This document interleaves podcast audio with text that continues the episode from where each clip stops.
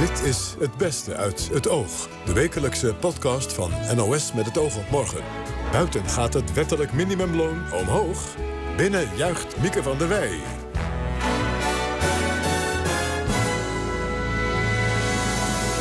Ja, ik juich inderdaad, want ik heb mijn stem weer terug. Die was eh, vorige week even verdwenen, dus toen heeft Simone Wijmans de podcast gedaan. Ook leuk. Wat zit er deze week allemaal in? Nou, we bespreken de kansen van de democratische kandidaten voor het presidentschap. En een van hen is openlijk homo. Amerika heeft natuurlijk net een zwarte president gehad. Dat was op zich al heel uniek. En of Amerika klaar is voor homoseksueel, dat is best uh, ingewikkeld. Zelf sprak ik afgelopen zondag met zilveren griffelwinnaar Dolf Verroen. De 90-jarige kinderboekenschrijver verbaast zich er wel eens over dat hij op zijn leeftijd nog steeds boeken voor kinderen schrijft. Ik schrijf het en ik schrijf het voor kinderen. En het is toch raar als je 90 bent dat je voor, voor kinderen van, van, van 6 tot, tot 9 schrijft. Dat is eigenlijk. Straks een uitgebreid gesprek met hem. Maar nu eerst de eikenprocessierups.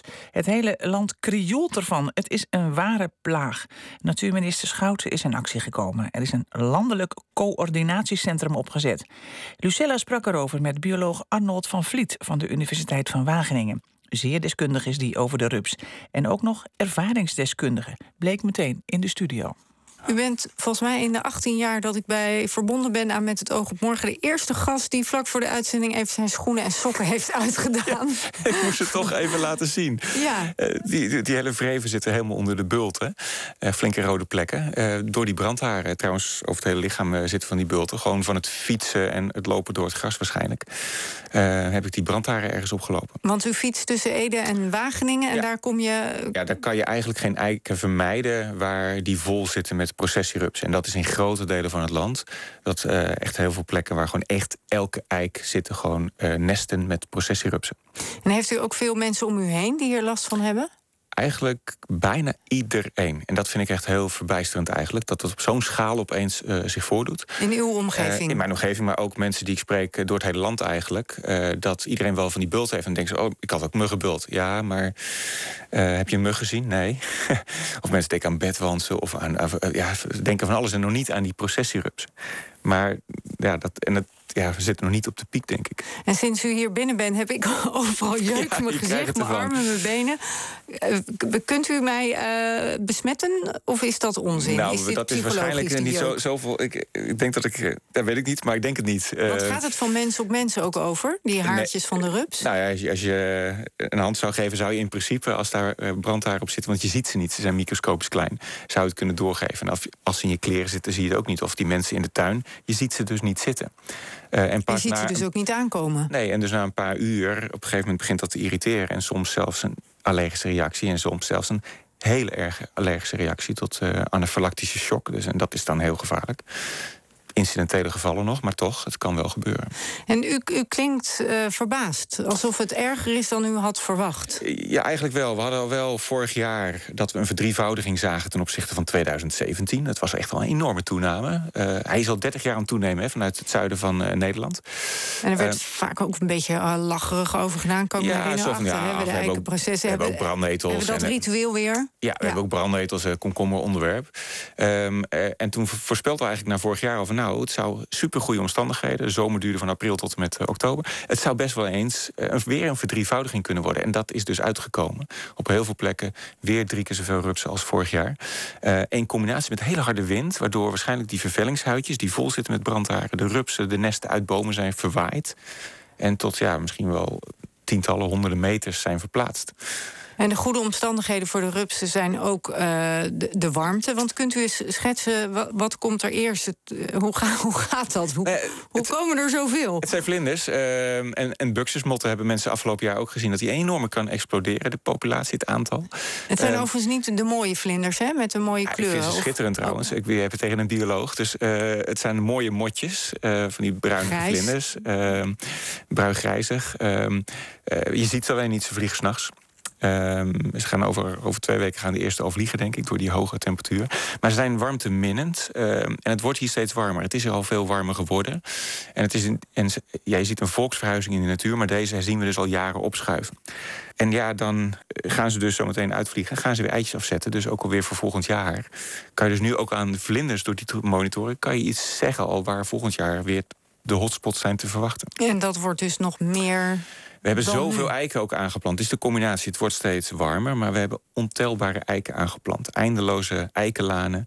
Uh, fantastische snelwegen voor die beesten eigenlijk. Uh, en tegelijkertijd hebben we onze natuur volledig uitgehold. We zijn natuurlijk ook, en dat is een beetje ironisch, we hebben het over insecten, maar we zijn 70, 80 procent van onze insectenmassa kwijtgeraakt in de afgelopen jaren.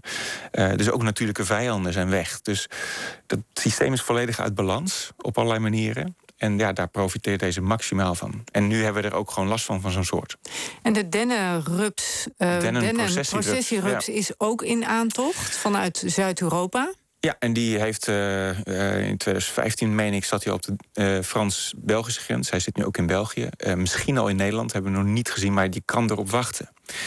En Want waarom verplaatsen die zich? Want in, in Zuid-Europa is het ook warm. Dus ik denk, waarom blijven ze daar niet? Ja, bosbranden, maar ook niet overal. Dus nee, maar dat zie je dus waarom komen ze hierheen? Omdat het hier steeds warmer wordt. Het is inmiddels, uh, zeg maar, klimaat Midden-Frankrijk. Dus het wordt hier geschikt.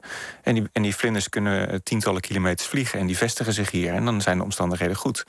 En dat is ook het bredere problematiek waar dit gewoon heel indicatief voor is. Van door die klimaatverandering komt er heel veel op ons af. Um, en onze waarschuwing is al jaren eigenlijk van laten we nou heel goed naar dat zuiden kijken om ons voorbereiden. Want bijvoorbeeld ook tijgermuggen. Uh, nou, we hebben het al over teken gehad die deze kant op komen. Je weet dat het komt doe er wat mee. Dus, uh... ja, en, en, wat kan je ermee doen? Want er is vandaag een landelijk informatiepunt... of er moet één landelijk informatiepunt komen. Is, is, ja, ja dat dus, vast, heeft de minister klinkt goed, maar is dat van, ja, voldoende? Eindelijk dat er nu dus, uh, ja, zeg crisissituatie... er moet een, een landelijk centrum komen. Nou, toeval wil, we hebben al jarenlang het kenniscentrum Eikenprocessie. Ja, waar dat, werkt. dat, nou ja, dat is onderdeel van de universiteit. Met anderen uh, van, uit andere disciplines buiten de universiteit... we samenwerken om dit onderwerp maar op de agenda te krijgen. En nu komt er geld, dus dan heb ik, we hebben in feite plannen klaar liggen. Maar dat gaat niet vanzelf. En, nee, want dat geld gaat niet zozeer naar uw afdeling... als wel naar de plagenbestrijding nou, binnen Dat is nu even wat onduidelijkheid. Wie gaat dat nou doen? Uh, wij hebben plannen klaar liggen. Dus zorg dat dat kennis Centrum Eikenprocessierups... dat dat de capaciteit krijgt om gewoon centrale aansturing... Want wat is de reden dat dat niet automatisch bij u terecht komt... Nou, maar bij een andere afdeling die kijk, het is allemaal heel vers, dus de gesprekken... Uh, rattenplagen gaat, als ik het goed begrijp? Nou, uh, ook het kennisadviescentrum Dierplagen... Uh, heeft wat betreft plagen heel veel expertise... maar die expertise over processierups hebben wij gewoon... met, vanuit de gezondheid, vanuit de bomen, vanuit de ecologie... zit bij ons en in samenwerking komen we daar ongetwijfeld uit. Het gaat er mij om eigenlijk dat we die beleidsterreinen bij elkaar brengen, maar dat we nu gewoon monitoren waar die uh, vlinders zitten, waar die rupsen zitten, um, maar ook waar de gezondheidsklachten zijn. En dat we eigenlijk jaar rond daarmee bezig gaan uh, en dat niet iedereen, niet elke gemeente, elke provincie het wiel opnieuw gaat uitvinden. Uh, en dat, ja, zoals je die burgers hoort, helemaal met wanhoop uh, daarmee Nou, ik kan u verzekeren, dat gaat de politiek natuurlijk wel aanzetten tot daden. Want hoe meer mensen met de rode bulten verschijnen, hoe hoger de druk wordt. Jawel, maar we roepen het dus ook echt al jaren. En ook zo'n tijgermug, het komt eraan. We zien het gebeuren. Um, en het wordt nu echt goed de, waar ze binnenkomen met autobanden bijvoorbeeld. Zitten echt de NVWA en de RIVM en partijen zitten er bovenop om die te bestrijden. Maar er komt al, denk ik, al heel snel een moment dat het daar buiten gaat. En dan moeten veel meer partijen, en dan moeten ook jij en ik in onze tuinen aan de gang om. Ja, wat, wat, wat, nou ja, goede vraag. Uh, wat, uh, goed, goed punt bedoel ik. ik koppel er een vraag aan. Wat kan ik doen? Nou ja, stel, uh, we krijgen die tijgermuggen. Die zitten vooral in die kunstmatige bakjes met water in onze regenton die niet afgedekt zijn. Maar wacht even, wij moesten allemaal een regenton hebben. En ja, daar, en als we, en zeker als het gaat over klimaatadaptatie, het aanpassing aan die klimaatverandering. We hebben het over Spanje net gehoord. Uh, het wordt hier steeds warmer, hittestress. Uh, dan gaan we daar iets mee doen. Willen we meer groen en willen water vasthouden. Maar laten we daar alsjeblieft heel slim mee opereren. Het moet gebeuren. Uh, die biodiversiteit moet omhoog. Um, maar, maar zorg ervan dat je het slim doet. Dat je als je dan je, uh, je landschap inricht, dat je niet één boomsoort neerzet. Dat je rekening houdt met water, dat dat af en toe wegzakt. En dat je dus niet die opbouw van die muggenpopulaties gaat krijgen. Dus uh, het water moet je af en toe uit de ton laten? Ja, dan moet je zeker. En ook trouwens onze gewone huissteekmug uh, is dat ook uh, slim om eens in de twee weken, zeker met deze hoge temperaturen, even die bakjes te legen. Uh, richting afdekken. Dan heb je daar niet een enorme explosie van huissteekmuggen. Die in de toekomst ook nog eens West-Nijl-koorts kunnen overbrengen. Wat vorig jaar in Zuid-Europa dus een enorme uitbraak heeft Ja. veroorzaakt. Ik denk niet dat de mensen nu gelijk gerust gaan slapen. Maar het is wel Ja, belangrijk dat u dit verhaal vertelt. Ja, we zullen er ook mee moeten leren leven. We komen er ook niet meer vanaf om het hier nog iets erger te maken. Maar ehm, ja, bereid je daarop voor. Kijk vooruit en actie. Bioloog Arnold van Vliet, dank. En sterkte met voeten, de armen, de schouder, de rug. dank u wel voor uw komst. Dolf Verroen schreef al meer dan 100 boeken. En hoewel hij al 90 is, schrijft hij nog altijd door. Deze maand ontving hij de zilveren griffel voor zijn boek Droomopa. Dat boek gaat over een jongetje dat logeert bij zijn grootouders... en s'nachts sterft zijn opa. Vervolgens herinnert het jongetje de mooie, zich de mooie gesprekken... die hij met zijn opa voerde. Verroen las mij in de uitzending een mooie passage voor uit het boek. Op het eind van de ochtend wordt er gebeld. Langs de stoeprand staat een grote, grijze auto. Drie mannen komen opa halen. Ga maar even buiten spelen, zegt oma, maar dat doe ik natuurlijk niet. Net als een paar mensen die ik nog nooit heb gezien, ga ik een eindje verder staan kijken. Het duurt even voor ze naar buiten komen met een brancard. En op die brancard ligt opa. Hij kan hem niet zien, want hij is in grijs, glimmend zeil gewikkeld. Twee zwarte riemen eromheen, zodat hij er niet af kan vallen. Ik word zo kwaad. Opa in een zeildoek, alsof hij een ding is. Het is gemeen. Hij is dood. Alsof dat nog niet genoeg is. Ik dacht, ja, een man van 90 die een boek schrijft met als thema de dood. Oh, maar ik heb veel over de dood geschreven, zei ik opgewekt. Ja, dus het is niet zo dat u denkt, nou, ja. Ja, nou, ik, ik denk dat, eh, dat ook veel kinderen veel de- nadenken over de dood. Dat dood is altijd wat officieel een beetje weggevaagd wordt, maar wat dat toch in heel erg in ons leven past. ja. Het is ook zo. En voelt u zich dan meer verwant met die opa of met het jongetje in het boek? Ik denk met het jongetje. Te- ja? Ja, Terwijl je zou zeggen, de opa zit qua leeftijd en levenservaring dichter bij u. ja maar ik- ja, ik ben een beetje leeftijdsloos. Ja. Ik, eh, weet je, ik heb, ik heb nooit eh, mijn leeftijd gevoeld. Vroeger had ik ook oude vrienden en jonge vrienden. En mensen zijn mensen en zijn niet een leeftijd. Vind Net ik. zoals Annie M. G. Schmid, die zei... ik ben nooit ouder geworden dan acht jaar, bij wijze van spreken. Ja, dat is Dus- een beetje zo, denk Ja. ik. Want u heeft zich dus ook altijd heel goed in kinderen kunnen verplaatsen. Ik verplaats me niet in kinderen. Oh. Nee, ik, ehm, ik weet ook helemaal niet of kinderen het leuk vinden. Ik hoop dat kinderen... u, iets, u eh, praat toch wel eens met uw lezers? ja, heel veel. En eh, ik ben altijd blij als ze het goed vinden. En, maar kinderen zijn eigenlijk veel beleefder dan oude, oude, oude mensen, grote zo? mensen. Kinderen zeggen nooit van... Oh Dolf, wat heb je nou een vreselijk boek geschreven? Dat doen ze niet. Als ik vraag, vind je het mooi? Dan zeggen ze, ja, ik vind het hartstikke mooi. Eh, maar dan ga ik praten met kinderen. En meestal dan treffen ze zich er wel in. En daar doe ik ook wel moeite voor. Ja? Ik, doe, ik vind, weet je, als, als je als kind leest en een boek krijgt... en een boek is zoiets moois, dat is een... Ja, het is een heel, je staat het open en je gaat een heel nieuw avontuur... en iets heel nieuws tegemoet. En als het dan een teleurstelling is... dat het over je hoofd heen gaat omdat je het niet begrijpt... dat vind ik het vreselijkste wat er is. Maar zeggen kinderen dan ook wel eens tegen u... we vonden er niks aan? Ja, ja, ja, ja, oh ja. Ja hoor. Eh, dan, als, ik, aan- als een kind dat zegt, ik vind er niks aan... dan eh, zeg ik, nou, je hebt gelijk. Nee. Ja, Want u staat ja, toch wel achter uw boek? Ja, nee, maar ik schrijf het. En ik schrijf het voor kinderen. En het is toch raar als je 90 bent... dat je voor, voor kinderen van, van, van 6 tot, tot 9 schrijft. Dat is eigenlijk raar. Dus als, als ik... U ik vindt zichzelf eigenlijk raar. Nou ja, het, de afstand is zo groot. Ja, nee, maar Ja. toch doet u Maar het. ik schrijf het en ik schrijf het vanuit mezelf. Eh, ik, ben dat, ik ben echt zelf dat jongetje.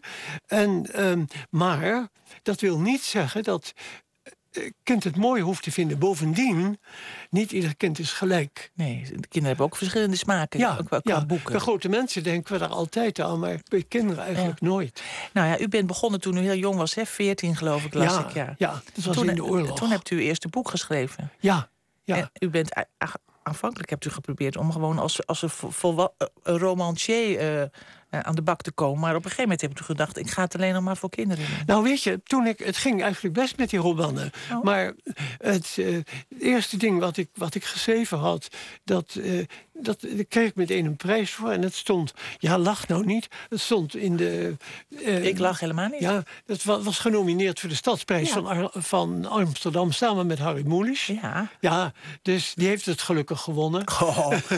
ja, was toch wel leuk geweest als u had gezegd, toen heb ik van Harry Mulisch ja, dat was leuk geweest. Ja, natuurlijk, dat geef ik toe. Ja. Maar de nominatie is ook Maar ik vond Harry Moeders een heel aardige man. Dus ik... Uh, ja. U gunde het hem wel?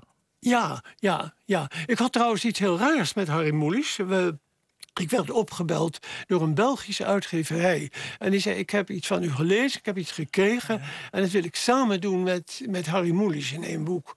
En niemand wist wie Harry Mulisch was, niemand wist wie Dolf Verhoen was. En op een dag belde Harry Mulisch mij op. En die zei: Waar gaat je verhaal over? En nou, ik, ik vond dat heel lastig om dat uit te leggen, dus ik hakkelde er een beetje bij. En toen zei hij: Nou, ik geloof maar niet dat we dat samen moeten doen. Nou, wie weet wat daar nog uit voort was maar, gekomen. Ja? Ik, toen hebben we een keer stond ik op de boekenmarkt in Amsterdam. De eerste keer tussen Patricia Highsmith met een hele grote oh, hond. En Harry Mulisch. En ben ik naar hem toegegaan. En ja, die man die keek uit zijn eigen land, zoals hij dat zelf noemde. Ik vond het een hele mooie man. Ja. Uh, als kinderboekenschrijver mag je natuurlijk ook altijd iets zeggen over ontlezing. Ja. Daar wordt vaak natuurlijk naar gevraagd. Ja. Uh, wat, wat zegt u dan? Nou ja, weet je, alle kinderen, alle ouders zijn opgegroeid met beeld. En met, met televisie, met al die dingen. Dat vind ik jammer, ja. Maar dus ik vind dat het heel erg gestimuleerd moet worden. Dat, het lezen.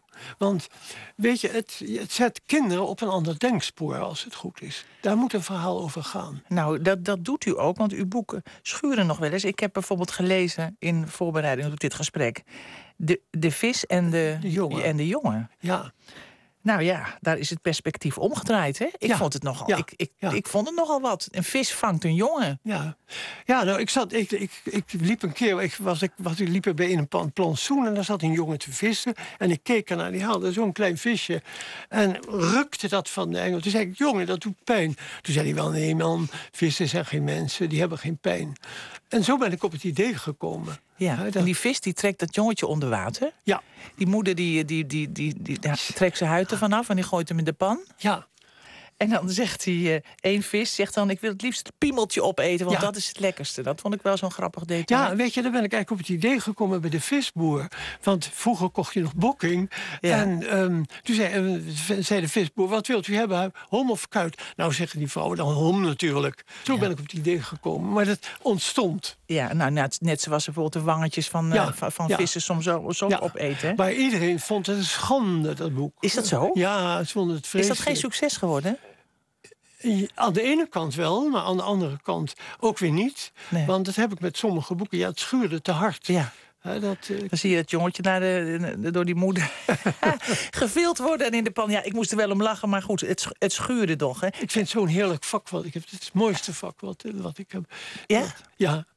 En weet je, ik, het, ik krijg ook steeds ideeën. En uh, ja, en vragen mensen dan vaak: is dit, is dit uw laatste boek? Of? Ja, ze vragen al jaren. wanneer, wanneer zijn ze daarmee begonnen? Ja, ja, ja weet je, ik, heb, ik, heb, ik, ik, heb, ik word bijvoorbeeld ook op het ogenblik heel erg geïnspireerd door Solde de Maton. Met die, die, die tekeningen, fantastisch. Oh, die zijn zo, zijn mooi. zo mooi. Dat had ik wel, wel willen zeggen hoor. Ja, ik had eigenlijk gedacht dat zij een zilveren penseel zou krijgen en ik niks vind het jammer. Dat, ja. u bent toch wel blij met die zilveren griffel? Hartstikke blij. En die gouden griffel ontbreekt nog in de prijzenkast, hè? Ja, ja, ja. ja. Maar, weet je, ik heb zo'n mooie concurrentie. Gion Samson en Edward van de Vendel. En het zijn geweldige collega's. Maar ik zou hem best willen hebben. Ja, en ik zou zeggen, doorgaan nou maar totdat hij binnen is, hè? Ja, ja. Misschien wordt u wel honderd. Wie weet, ja. wie weet. Laten we het hopen. En dat er ook nog vele boeken mogen komen. Niet alleen een hele mooie kinderboeken schrijven, maar ook nog eens een ontzettende leuke man. Maar dat had u waarschijnlijk wel gehoord. Nou, wie wordt de presidentskandidaat bij de Democraten? Een rising star aan die zijde luistert naar de naam Pete Buttigieg. Hij is jong, hij is homo en een van de favoriete kandidaten van journalist Carol Rock. En zij vertelt aan Kees Grimbergen waarom.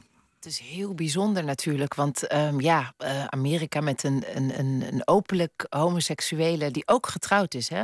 Uh, uh, presidentskandidaat. Het is heel bijzonder. Um, wat ik volg die man al een tijdje en wat ik leuk vind, hij is echt briljant. Hij is heel slim. Hij spreekt volgens mij meer dan vijf talen, ehm, waaronder Noors.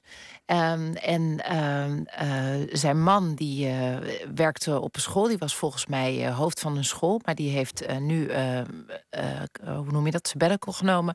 Om zijn man te ondersteunen tijdens de campagne. Okay. Ze hebben allebei een Twitter-account. Dat is op zich niet zo bijzonder. Maar hun honden hebben ook een Twitter-account. En ik kan wel iedereen aanraden om daar af en toe naar te kijken. Uh, ja, het is een eh, opmerkelijk stijl. Maar ja, los van al die leuke Twitter-accounts en dat soort dingen. Het is wel... Hij heet Pete Buttigieg. Buttigieg. Hij is jong, hij is talentvol. Gaat hij het worden? Ja, hij staat wel op de tweede plek bij de favorieten. Dus eh, dat is al heel bijzonder. Maar goed, dat zijn natuurlijk de Democraten die. Uh... En op één staat? Joe Biden. Joe Biden. Ja. Kan, is het, is het redelijk, kan hij redelijkerwijs Joe Biden verslaan? De oude vice-president van Obama. Oh, dat, dat lijkt me heel moeilijk. Want um, ja, zoals ik al net zei, is hij homoseksueel. Um, het is, Amerika heeft natuurlijk net een zwarte president gehad. Dat was op zich al heel uniek. En of Amerika klaar is voor homoseksueel, dat is best uh, ingewikkeld. Maar het feit dat hij het zo goed doet. Maar ik, ik denk toch dat Biden meer kans maakt. Hoewel mijn, mijn gevoel zou zeggen van... nou ja, zo'n Buttigieg, dat is precies wat Amerika nodig heeft. Want die vertegenwoordigt alles en iedereen. En uh, dat, dat, dat is nou ja, in mijn ogen natuurlijk wat Amerika nodig heeft. Maar Waarom wordt het dan toch Biden? Je moet toch rekening houden met het establishment. En um, kijk, dat, dat, dat heb je overal. En je hebt natuurlijk een hele grote schare wat oudere en conservatieve democraten. Die hebben dan toch liever iemand met wat autoriteit. Iemand die ervaring heeft. Dat is het, dezelfde reden is Nancy Pelosi nog precies waar ze zit. En dat geldt ook voor Joe Biden. En uh, daar komt natuurlijk ook bij kijken, juist door die vier jaar Trump, juist door die totaal onverwachte verkiezingsoverwinning van hem vier jaar geleden, um, hebben mensen toch weer behoefte aan die tijd met uh, Obama. We hebben, er zijn natuurlijk acht mooie jaren geweest voor de mensen die natuurlijk uh, voorstander van zijn uh, beleid zijn geweest. En Joe Biden zou dat toch weer terug kunnen brengen. Trump heeft natuurlijk een aantal dingen weer teruggedraaid. Um, en dat zou met Joe Biden natuurlijk weer het antwoord kunnen zijn op um, nou ja, de, de oude tijden kunnen herleven. Ja, dus de jouw inschatting is dat de hang naar establishment. Niet alleen dat. dat dat zal een rol spelen. Wat speelt nog meer een rol dan bij de keuze voor mogelijk Joe Biden boven Buttigieg? Ja, um, hij is de man van het midden. Hij, hij um, vertegenwoordigt eigenlijk zowel die establishment als ook de wat nieuwere generatie. Um, hij is uh, vrij eenvoudig gebleven. Kijk, Trump heeft natuurlijk altijd voorop laten staan dat hij heel rijk is. Hij zich overal van: ik heb ontzettend veel geld. Wat waarschijnlijk ook helemaal niet waar blijkt te zijn. Maar um, Joe Biden heeft, die, heeft volgens mij echt al 40 jaar zit hij in, de, in, in Washington. En um, hij heeft in die 40 jaar heeft hij altijd geleefd van een ambtenarensalarissen. Toch liep zijn reputatie op een gegeven moment een smet op. Ja. Vooral door die benadering van vrouwen. Vrouwen, klopt. Ja, dat is natuurlijk nu in het kader van MeToo natuurlijk. Blijft, hashtag MeToo. Ja. Um, alles ligt onder een vergrootglas. Alles ligt onder een vergrootglas, ja. Maar um, een aantal vrouwen had gezegd... er zijn uh, wat uh, uh, ongemakkelijke momenten geweest. Um, en dan hebben we het dus niet over dat hij in billen geknepen heeft of wat dan ook. Maar hij deed bijvoorbeeld uh, dat hij een vrouw naar zich toe trok. En zij dacht dat hij haar op de mond ging kussen. Maar hij deed zijn neus tegen haar neus en deed ze een soort ja, neusje, neusje. En dat is. En een andere vrouw die, um, die voelde van achter dat hij uh, zijn handen op haar schouder deed. Mm. En hij rook aan haar haar en gaf haar een kus op haar hoofd. Ja, dat ja, zo, zo, zo is hij dus. Uh, het thema abortus. Ja. Het abortusvraagstuk neemt Biden ook niet de meest progressieve positie in van de democratische kandidaten. Hè? Nee, nee, nee. Dat, eh, maar dat, dat is natuurlijk ook wel ingewikkelder dan wij denken.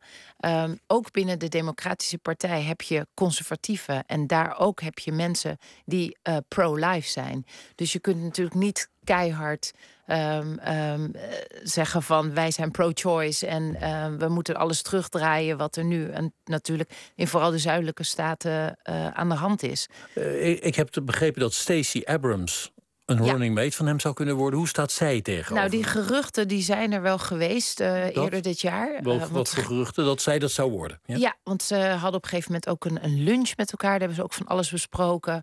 En toen ging de geruchtenmachine natuurlijk... Uh, was ook vanuit Biden-kamp werd gezegd... nou ja, we hebben wel met haar gesproken. En zij zegt weer van... nou, voorlopig absoluut niet aan de orde. Maar het zou natuurlijk wel een hele mooie combinatie zijn. Even haar stem horen. Stacey Abrams. It's possibly running for president, and my responsibility is to take seriously the opportunity, to give credibility to those who are asking me, uh, but to make sure I'm the right person, this is the right time, and it's the right job. Ja, en dat is de vrouw, een zwarte vrouw, politicus ja. en advocaat, die ja. met Biden dan samen voor. Ja, dat, dat zou echt, als hij dat doet. En ik heb meerdere mensen ook gesproken in Amerika die zeiden aanvankelijk van, oh, waarom Joe Biden, waarom weer zo'n oude man? Hebben ze nou niet geleerd van Hillary Clinton? Maar zij zeiden ook van, als hij of haar kiest of een vergelijkbare kandidaat, dan maakt hij een hele grote kans uh, tegenover Trump. Ja. En uh, Stacey Abrams is natuurlijk um, al heel lang een bekend gezicht uh, als activiste, als, als politica in Georgia. En dat is natuurlijk nu een ja. staat waar de abortuswet, nou ja, die is natuurlijk nog niet veranderd. Ja maar er is inderdaad een, een bil is daar. Uh, Ze heeft een aantrekkelijk kantje, hè? Dat is dat spleetje tussen die tanden. dat is een van de zeven schoonheden ja. ook nog. Ja, ook nog. Maar ja, zo zijn het speelt ook een rol, hè? Speelt ook een rol, maar het is gewoon een vrouw die uh, ontzettend veel aanhangers heeft. En um, ze spreekt natuurlijk ook meerdere mensen aan en niet alleen de Afro-Americans. Nou, dat wordt spannend. Deze zomer beginnen de eerste town hall debatten. Dus we gaan het zien. Wat doe je als werkgever als een van je medewerkers vertelt dat hij of zij van geslacht wil veranderen? Vrijdag werd de Transzoen uitgereikt en dat is een prijs voor transvriendelijk werkgeverschap.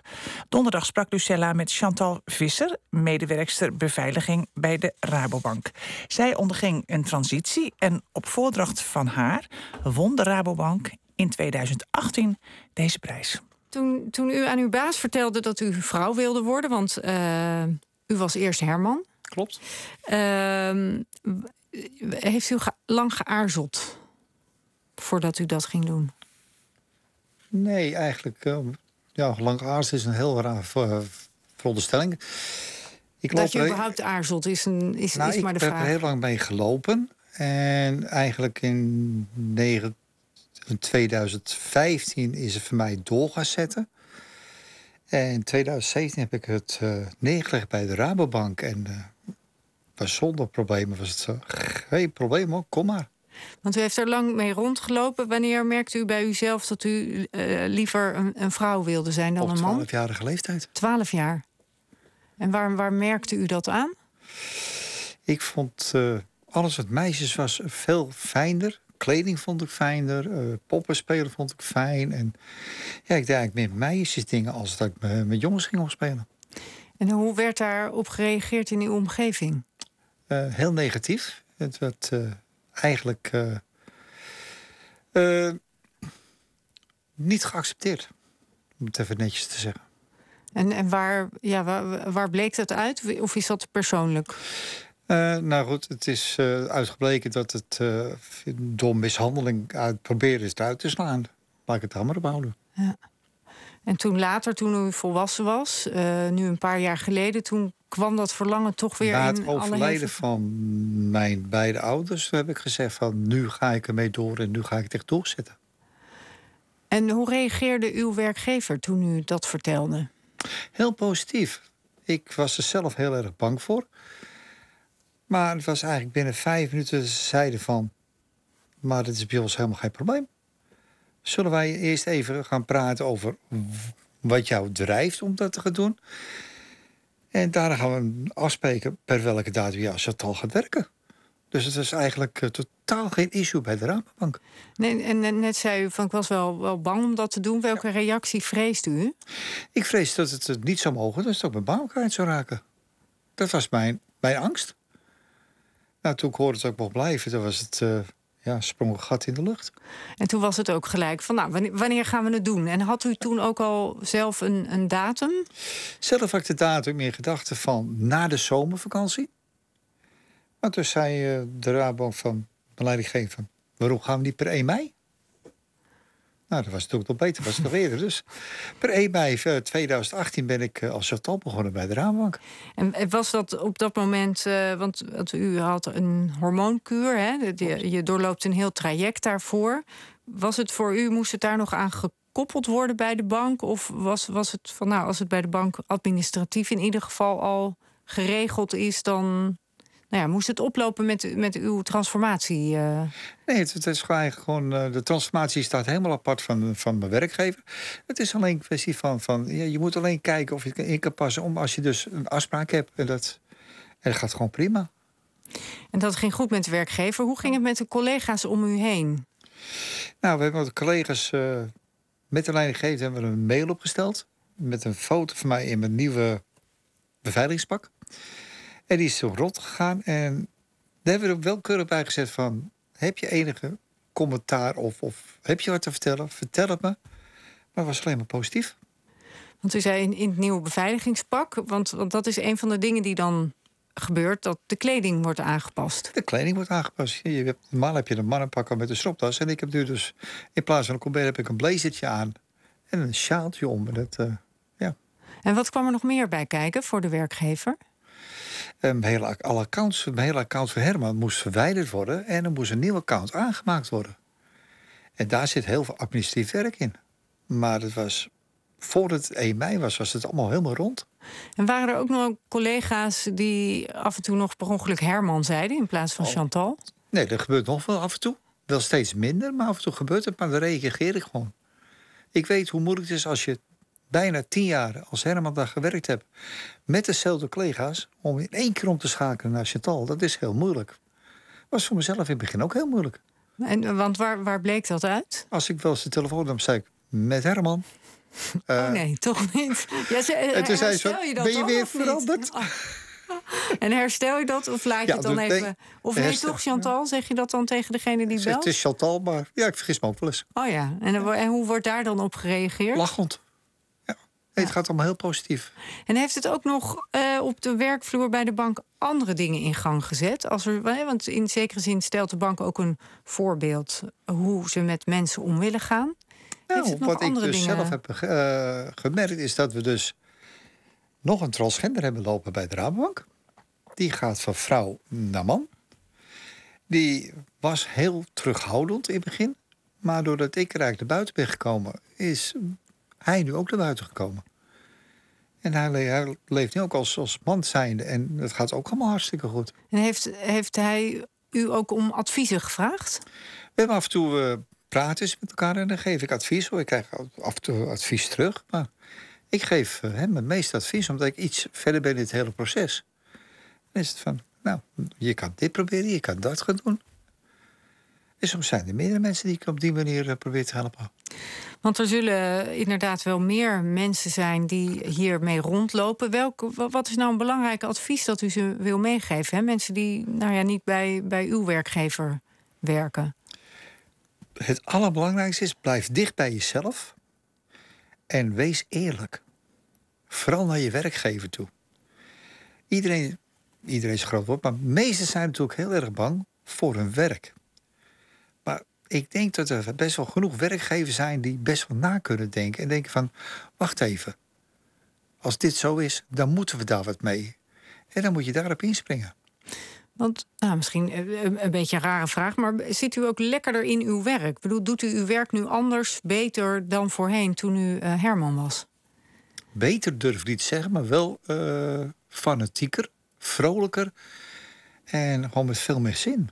Ik heb gewoon veel meer, meer energie gekregen. En uw werkgever heeft positief gereageerd. Wat, eh, er zijn natuurlijk, ja, u heeft ook een leven buiten het werk. Wat, wat heeft dat betekend dat uw werkgever heeft gezegd: kom maar door en weet je wat, we doen het nog eerder dan het plan was? Nou, dat geeft je dus het gevoel dat je dus echt helemaal geaccepteerd wordt. Nou, de diversiteit bij de bank is heel erg groot. En dat geeft je zoveel energie en zoveel kracht, waardoor je privé ook veel meer durft te doen. Want ik kan best begrijpen dat beginnende transgenders moeite hebben om naar buiten te gaan. En als je zo'n stap kan zetten bij een werkgever, dan kun je die stap naar buiten gaan ook veel makkelijker maken. En hoort u nu ook verhalen wel eens van transgenders die, uh, of mensen die willen veranderen, die, ja, die op minder prettige reacties. Uh, uh... Helaas hoor je dat. Het zijn ook hele negatieve reacties bij, bij sommigen. Zelfs tot het met in elkaar slaan toe. En, en... Door de werkgever? Of nou, door collega's? Waar ik het zo zeggen, door de, niet in elkaar slaan door de werkgever, maar door collega's.